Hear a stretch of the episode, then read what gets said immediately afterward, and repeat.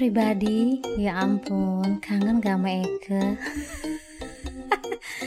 Aduh gue terakhir itu nge-podcast tanggal 18 September. Ampun, hampir sebulan ya Ace, ada-ada uh, Anyway sekarang gue tuh mau ngomongin tentang uh, Hidup gak setragis. Oh mama, oh papa. Ih jijik.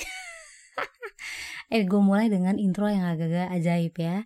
Jadi gini, susah, senang, tragis, bahagia, bagus, jelek, itu semua masuk golongan kata sifat atau dalam bahasa kata bahasa katronya itu adjective ya. Ya sifat, namanya sifat ya pasti subjektif gitu ya. Karena memberi rasa atau efek tambahan atas sebuah benda atau noun ya. Aduh apa nanti bunyi tuh? Uh, karena yaitu subjektivitas karena subjektivitasnya ini maka timbullah gradasi warna, rasa, bahkan tafsir. Anjing gue ngomongin apa sih nih? Katro. Anyway, anyway, gini, gini, gini, gini. Contohnya adalah hmm. penambahan kata bebas pada kata seks. Penambahan bebas pada kata seks. Jadi free sex. Jadi semacam aktivitas seksual yang bebas-bebas aja. Tanpa ada ikatan emosional atau perkawinan. Nah, podcast gue kali ini ya mau bahas soal itu ya, uh, free sex atau apa pun bentuknya ya, secara receh. Dengerin terus gue Sunyada Guna di episode ke-16 podcast Celamitan. Oh, oh, oh, oh, oh. Oke, okay. nggak sedikit orang yang suka dengan kebebasan. Tapi ternyata ada yang merasa kebebasan itu justru membuat uh, yang bersangkutan jijik dengan dirinya sendiri. Ya, soalnya misalnya soal seks bebas ini. Uh, kenapa gue tertarik ngebahas itu pada hari ini? Mungkin gini, jadi beberapa waktu lalu tuh ada tweet dari seorang cewek yang bunyi seperti ini. Seks bebas tidak keren dek. Seks bebas enaknya sekitar 2 jam doang di kasur, diklonin, dijelin bullshit, stresnya bisa 2 tahun. You bolak-balik konseling ke psikolog perkara mempertanyakan keberhargaan diri lo. Belum lagi anxious di tengah masyarakat madani dan perasaan berdosa. Itu ku bingung dengan uh, apa namanya anxious di tengah masyarakat madani. Aduh gue sekarang konsep itu abstrak buat gue. Ini lanjutannya dari, dari tweet dari orang dari cewek tadi seperti ini. Seks bebas dalam kurung atau seks pranikah aja kali nyebutnya tutup kurung harus atas dasar kesiapan diri sendiri. Harus tahu apa resikonya, bisa kamu tanggung atau enggak nantinya. Jangan karena ikut-ikutan temen, hati-hati dimanipulasi orang, apalagi cuma penasaran gimana rasanya. Oke, tweet lanjutannya cukup oke menurut gue ya. Untuk tweet pertama, gue komen begini. Gue pernah seks bebas, hamil, beranak, tanpa laki atau suami, nggak bolak-balik konseling, nggak sibuk nanya harga diri gue, bahkan bio Twitter gue dari tahun 2010 nggak pernah berubah. Perawan bukan, jana bukan.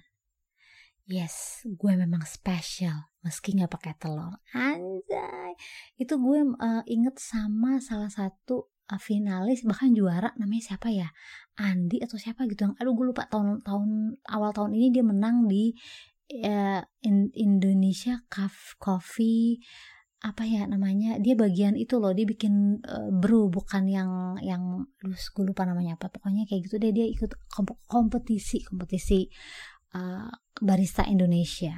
Gue belepotan banget sih ngomongnya mungkin karena udah udah malam. Kira-kira begitu itu dia ngomongnya gitu tuh salah dia yang bikin tagline-nya menarik pada saat dia presentasi di final tuh ya bahwa dia bilang yang spesial nggak perlu pakai telur. Anjing gue mau kopi itu. Maaf ya nggak original. Kontol. Uh, gini komen gue tuh kayak gitu sama sekali nggak ada maksud menggurui atau nyinyir. Sama sekali nggak. Gue cuma mau berbagi pengalaman pribadi gue bahwa hidup gue tuh nggak setragis oh mama oh papa yang dulu selalu muncul di majalah Kartini. Bener gak sih Kartini? Kalau salah kalau nggak salah sih iya. Kalau nggak salah bener dong Kartini Oke, ini gue tuh mau celamitan dulu soal free sex dan seks pranikah pada saat ini.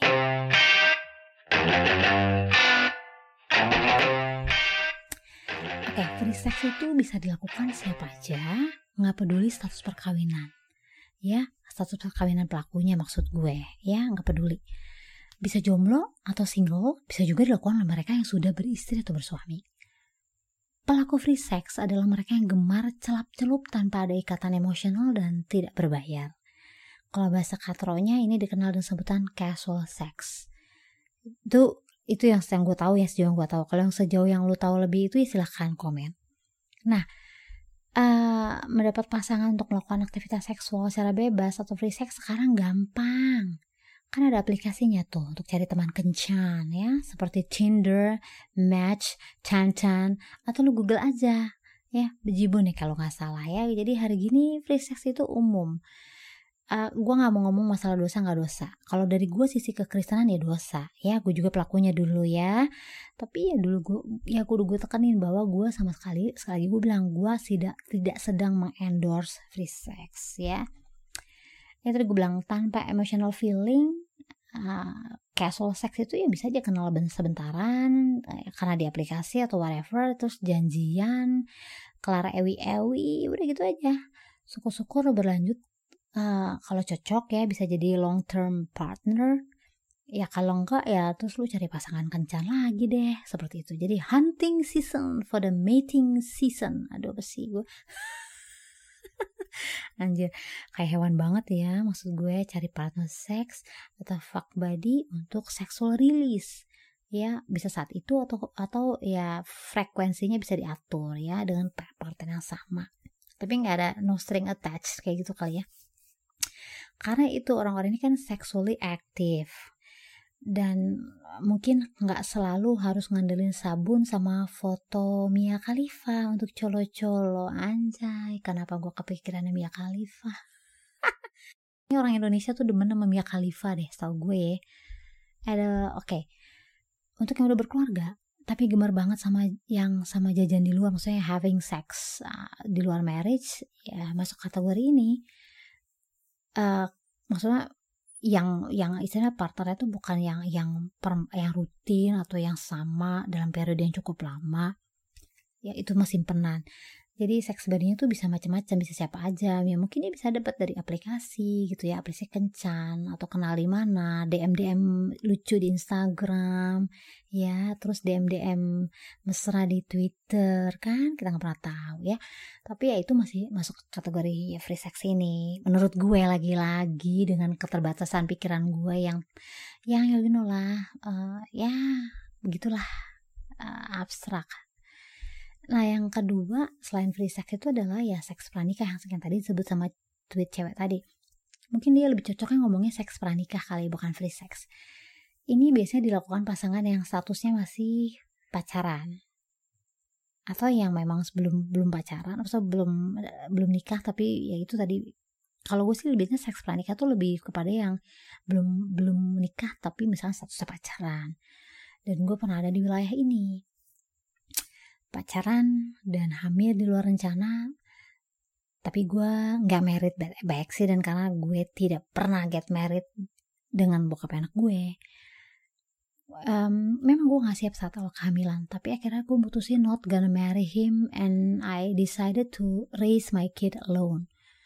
I left him while I was pregnant so it's not the other way the, not the other way round ya bukan kebalikannya uh, itu panjang ceritanya tapi gue boleh curcol dikit. Kalau dipikir-pikir zaman itu tuh gue masuk perempuan yang sinting ya.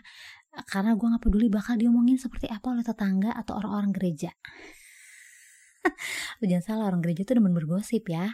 Orang orang-orang bisa kan gitu karena itu gila dia hamil aduh siapa so pacarnya yang mana? Yaudah mulai dengan aneh-aneh omongannya nah untungnya eh, support orang-orang sekitar gue itu amat sangat gede terutama keluarga dan eh, family masa keluarga terdekat keluarga keluarga terdekat gue sepupu gue om tante gue dan sebagainya.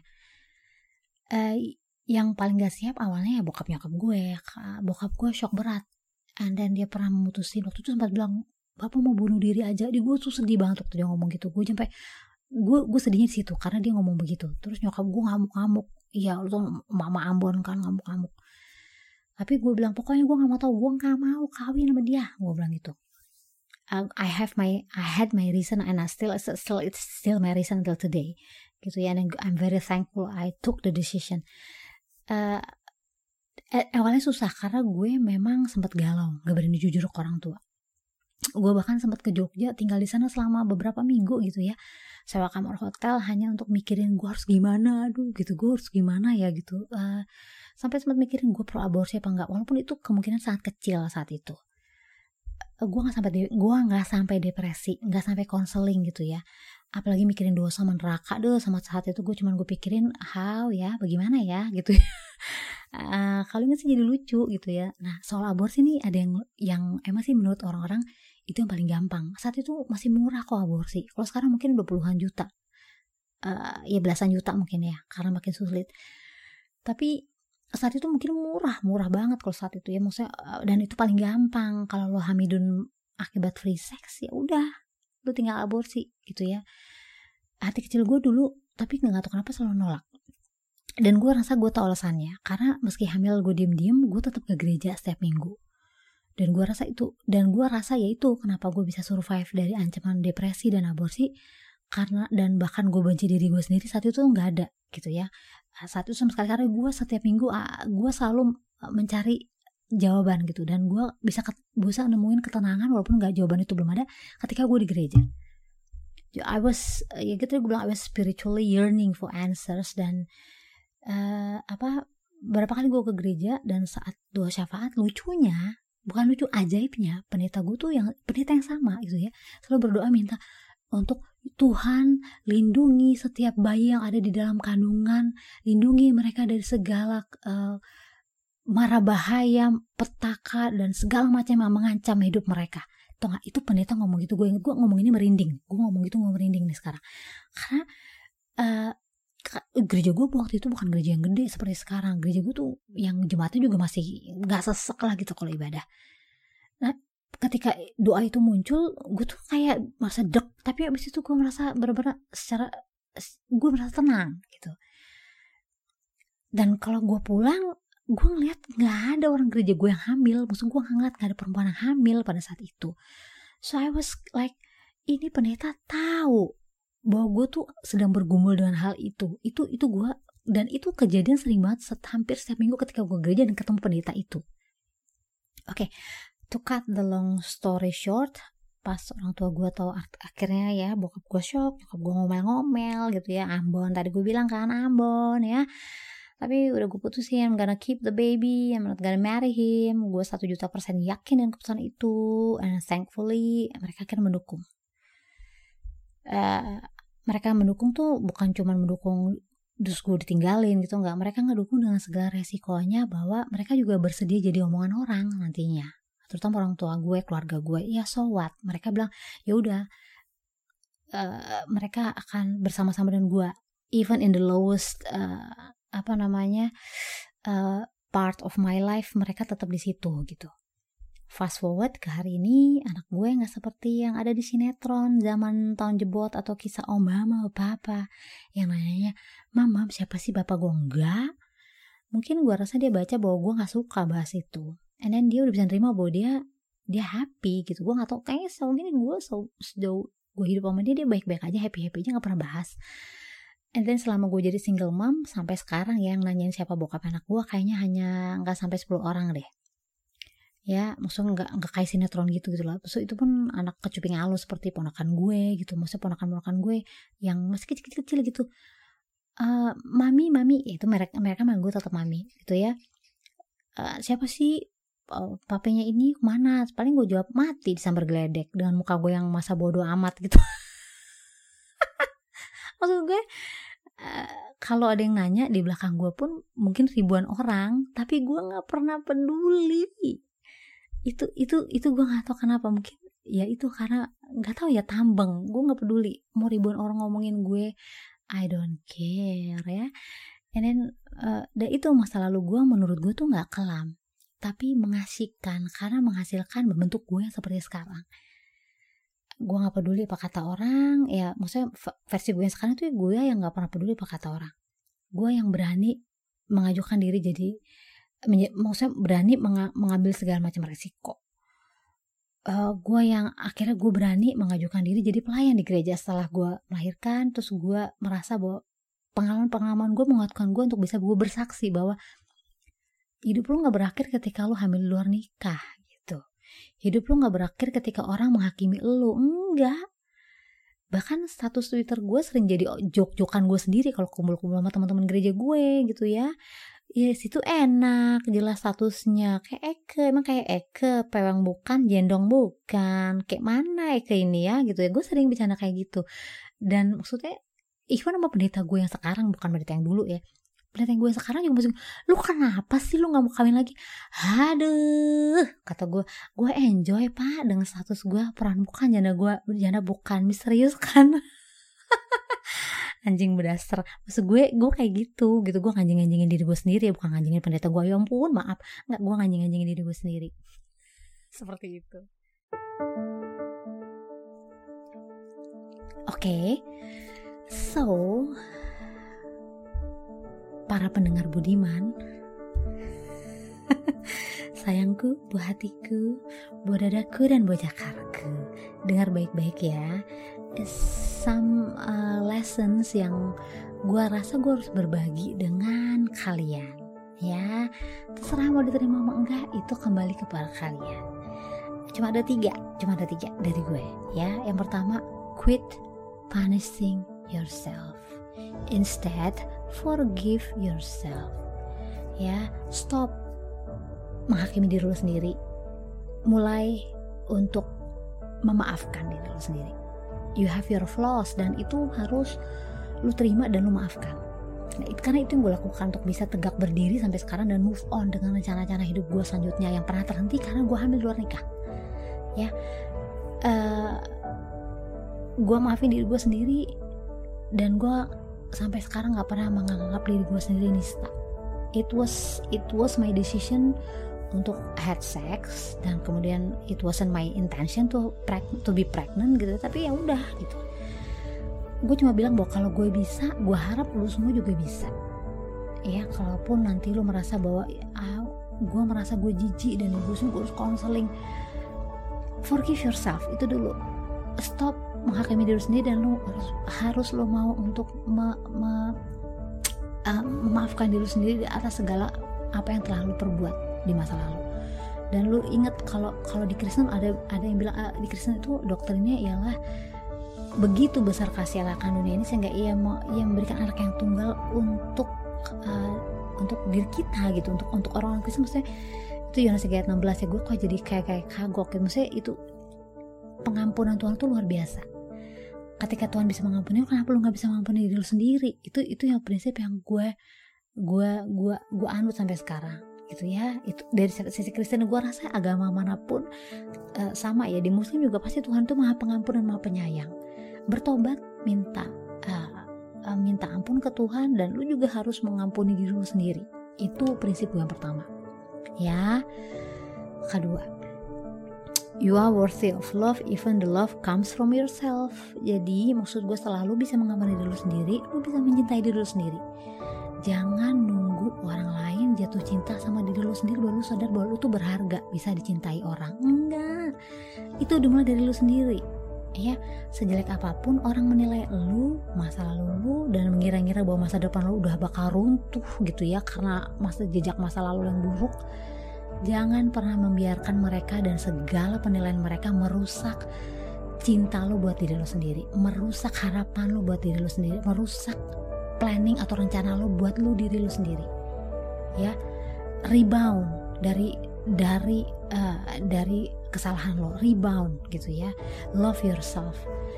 Gue nggak ngajak lo untuk narsis enggak tapi ingat kata ingat kata utali kumahua kan beri setengah saja cintamu. Maksudnya cinta untuk orang lain boleh setengah aja tapi untuk diri lo full. Ya jadi maksud gue you are worthy of love even if love comes from yourself. Bahkan itu harus bukan suatu if tapi harus. Lo harus cinta sama diri lo sendiri. Itu yang kedua. Dan yang ketiga. Yang ketiga nih you gotta have self respect ya lu harus punya rasa hormat untuk diri lu sendiri. Setelah lu cinta diri lu sendiri lu harus respect sama diri lu sendiri. Khusus untuk cewek-cewek nih ya dari gue Meki lo itu bukan alat tukar untuk dapetin cinta ya. Selama lo anggap Meki lo sebatas sebatas alat barter apa bedanya lo mau pelacur? Ya kan? Kan enggak. Gue nggak gue nggak menganggap remeh uh, pekerjaan pelacur sama sekali enggak. Tapi maksud gue uh, apa namanya soal keperawanan itu bukan hadiah soal keperawanan itu bukan alat tukar Meki lu bukan alat tukar. Ya, tadi gue bilang baliknya ke perawanan. Perawanan juga bukan hadiah yang harus lu pertahankan mati-matian karena harus diberikan kepada seorang tepat. That is fucking bullshit man. Maksud gue gini bukan berarti bahwa keperawanan itu nggak istimewa. Enggak itu bukan maksud gue atau uh, gue malah menganjurkan ayo lelang aja perawanan lo atau ayo ngosek bebas saja bukan itu juga maksud gue. Kalau lo merasa bahwa keperawanan lo harus pertahankan itu karena lo sayang sama diri lo sendiri. Karena lo punya respect sama diri lo sendiri. Terlepas alasannya. Alasan religius misalnya. Ya itu bagus. Kalau akhirnya sadar bahwa casual sex membuat lo nggak bahagia dan mau menunggu untuk have real relationship dan only committed to that one right person, ya go ahead. Ini ngomongnya ngomong seks ya, bukan keperawanan. Kalau tadi gue ngomong perawanan itu karena lu self respect, juga self respect karena lu memutuskan untuk ah, gue akan stop having casual sex karena gue mau gue akan punya uh, akan having sex with someone that I really feel that this is the right the right one, this is special for me. So it's like about itu lebih kepada lu sendiri, ya. Itu bagus menurut gue. Tapi kembali lagi belajar dari pengalaman gue nih ya, do not treat your vagina or virginity as a form of exchange, never.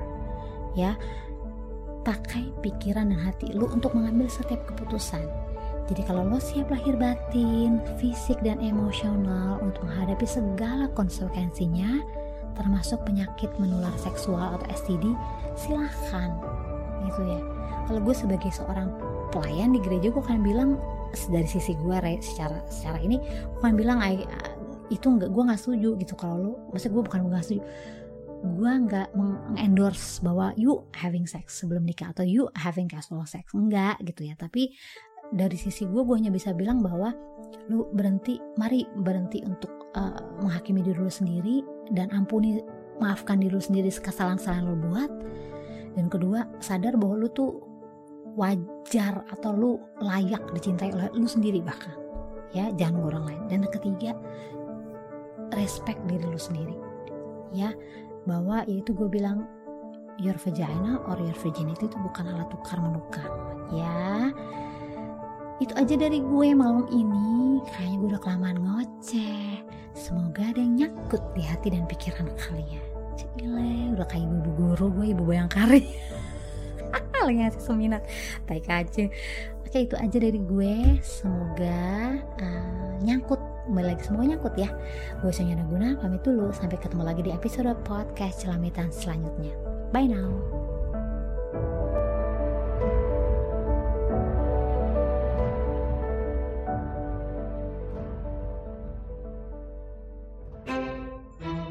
Kalau lo suka dan episode ini atau lo suka sama gue secara pribadi dan memiliki rasa jijik secara terpendam, jangan lupa tekan subscribe podcast Celamitan di Apple Podcast dan Google Podcast atau klik follow di Spotify.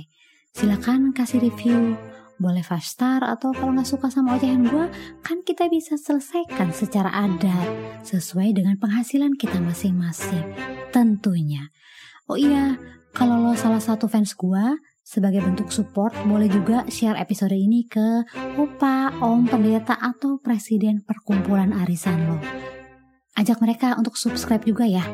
Tapi jangan ajak mereka untuk follow Twitter gue, bahaya untuk peranakan. Last but not least, dukungan juga gue terima dalam bentuk doa. Gak dosa kok, gue jamin bisa masuk surga, Bo. Gak percaya kan?